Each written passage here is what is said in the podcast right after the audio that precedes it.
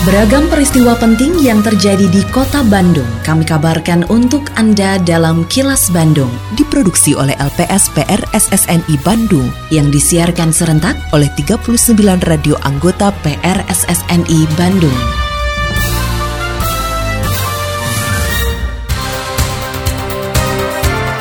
Sejumlah informasi aktual kami hadirkan untuk Anda dan inilah informasi utamanya. Stok vaksin habis, vaksinasi COVID-19 di kota Bandung dihentikan sementara.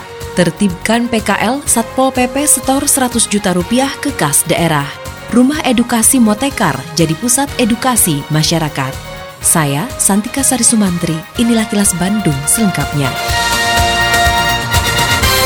Sejumlah puskesmas di kota Bandung menghentikan sementara pelayanan vaksinasi COVID-19 karena habisnya stok vaksin. Puskesmas juga sudah mengajukan permintaan kepada Dinas Kesehatan Kota Bandung untuk menambah pasokan vaksin. Kepala UPT Puskesmas Cinambo, Kota Bandung, Natalia Ginting mengatakan pihaknya kehabisan stok vaksin COVID-19 sejak awal Oktober lalu. Kekosongan stok vaksin ini membuat Puskesmas meniadakan pelayanan vaksinasi COVID-19 termasuk dosis ketiga booster bagi masyarakat. Natalia mengaku belum mengetahui tambahan stok vaksin COVID-19 akan kembali didistribusikan ke puskesmas. Stok vaksin kosong di puskesmas kami sejak tanggal 3 Oktober 2022 karena distribusi dari dinas tidak ada. Memang tidak ada, tidak ada distribusi juga dari provinsi maupun dari Kemenkes. Kalau kosong sampai kapan kami tidak tahu karena semua tergantung dari dinas.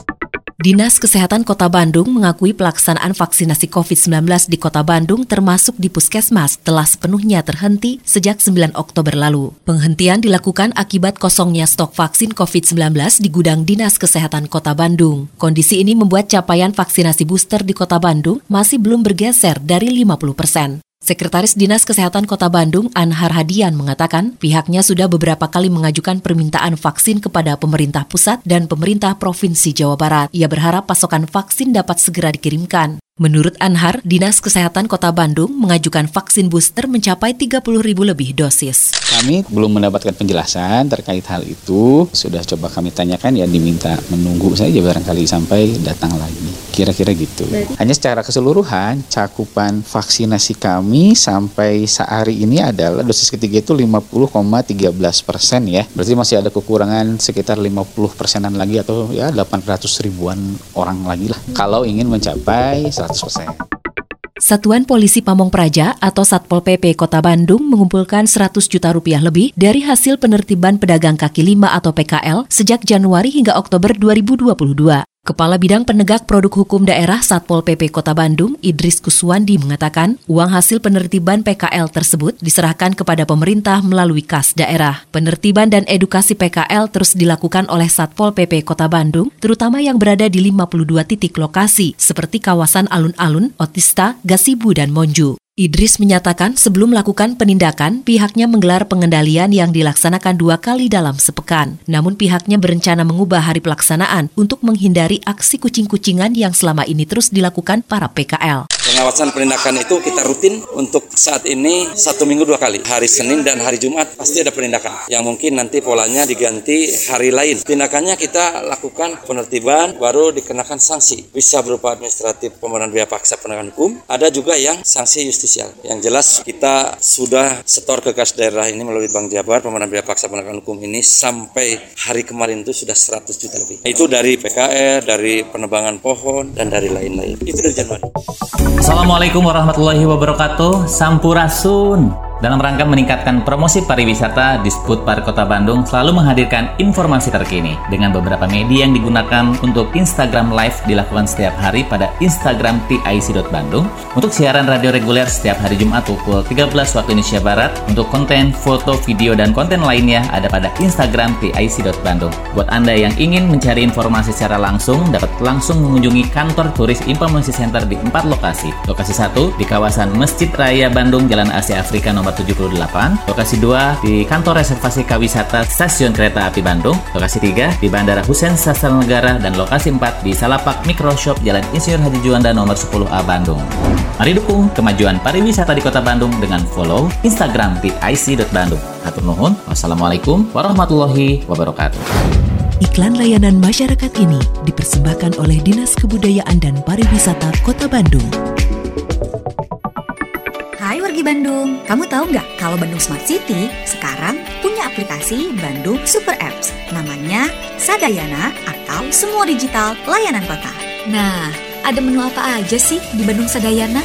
Kamu bisa mendapatkan berbagai layanan publik, forum Smart City, marketplace, kalender event, CCTV publik, open data, informasi COVID-19, virtual event, info kegawat daruratan 112 bisa didapatkan di aplikasi ini. Wih, keren banget nggak sih? Setiap user akan tergabung menjadi bagian dari Bandung Smart City Forum dan dapat mengakses berbagai layanan publik dari pemerintahan Kota Bandung. Jadi, kuy, buruan download ya. Untuk informasi lebih lanjut, kamu bisa kunjungi website www.smartcity.bandung.go.id atau download aplikasi Bandung Smart City di Google Play dan WhatsApp Bandung Smart City di 0811 259 1810. Bener-bener deh Bandung Super Apps, satu platform untuk beragam kebutuhan. Pesan ini disampaikan oleh Diskominfo Kota Bandung.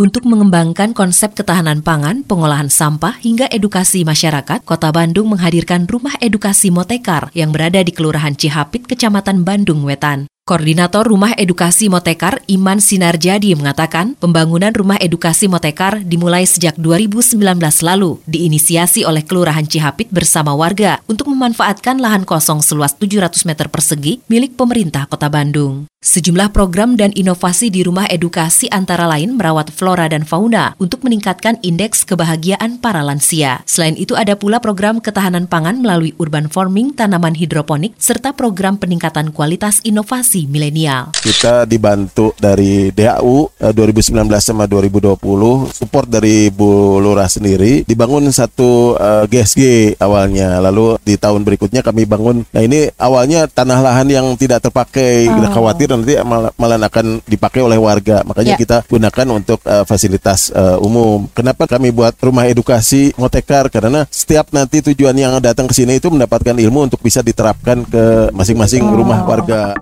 Hadirnya rumah edukasi Motekar dimanfaatkan sebagai tempat menggelar pembinaan bagi para pelaku usaha mikro kecil dan menengah atau UMKM untuk meningkatkan ekonomi masyarakat. Camat Bandung Wetan Kota Bandung, Taria, mengatakan sejumlah pelatihan yang digelar antara lain edukasi mengenai upaya meningkatkan omset penjualan, pengemasan produk, termasuk pemasaran. Selain itu ada juga pelatihan kerajinan dan penyusunan laporan keuangan. Kalau kita kaitkan dengan keberadaan rumah edukasi ini, itu juga termasuk satu langkah kita ya. Di sini juga bisa disebutkan co-working space-nya. Kita bisa membina mereka, tetamu MKM ya, dari kecil menengah ke bawah itu, kita edukasi bagaimana mereka bisa meningkatkan omset penjualannya. Kita berikan edukasi bagaimana cara mengemas barang untuk dijual supaya menarik minat masyarakat dan juga dari segi kehalalannya dan juga perasaan perizinnya. Kita coba untuk para pelaku untuk bisa menaikkan usahanya itu mungkin langkah kita yang sudah kita ambil.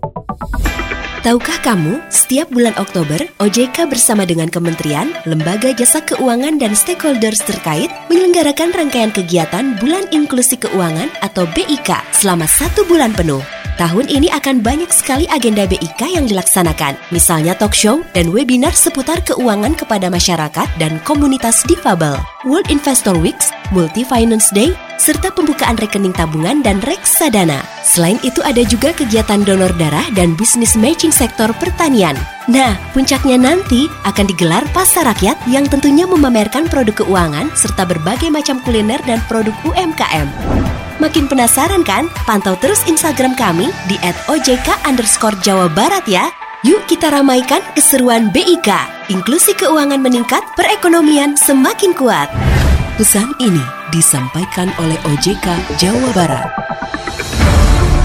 Kini, audio podcast siaran Kilas Bandung dan berbagai informasi menarik lainnya bisa Anda akses di laman kilasbandungnews.com. Lindungi diri dari COVID-19 dengan selalu memakai masker saat beraktivitas karena pandemi belum usai. Tetap patuhi protokol kesehatan di masa adaptasi kebiasaan baru untuk mencegah penularan virus corona. Terima kasih Anda telah menyimak kilas Bandung yang diproduksi oleh LPSPR SSNI Bandung.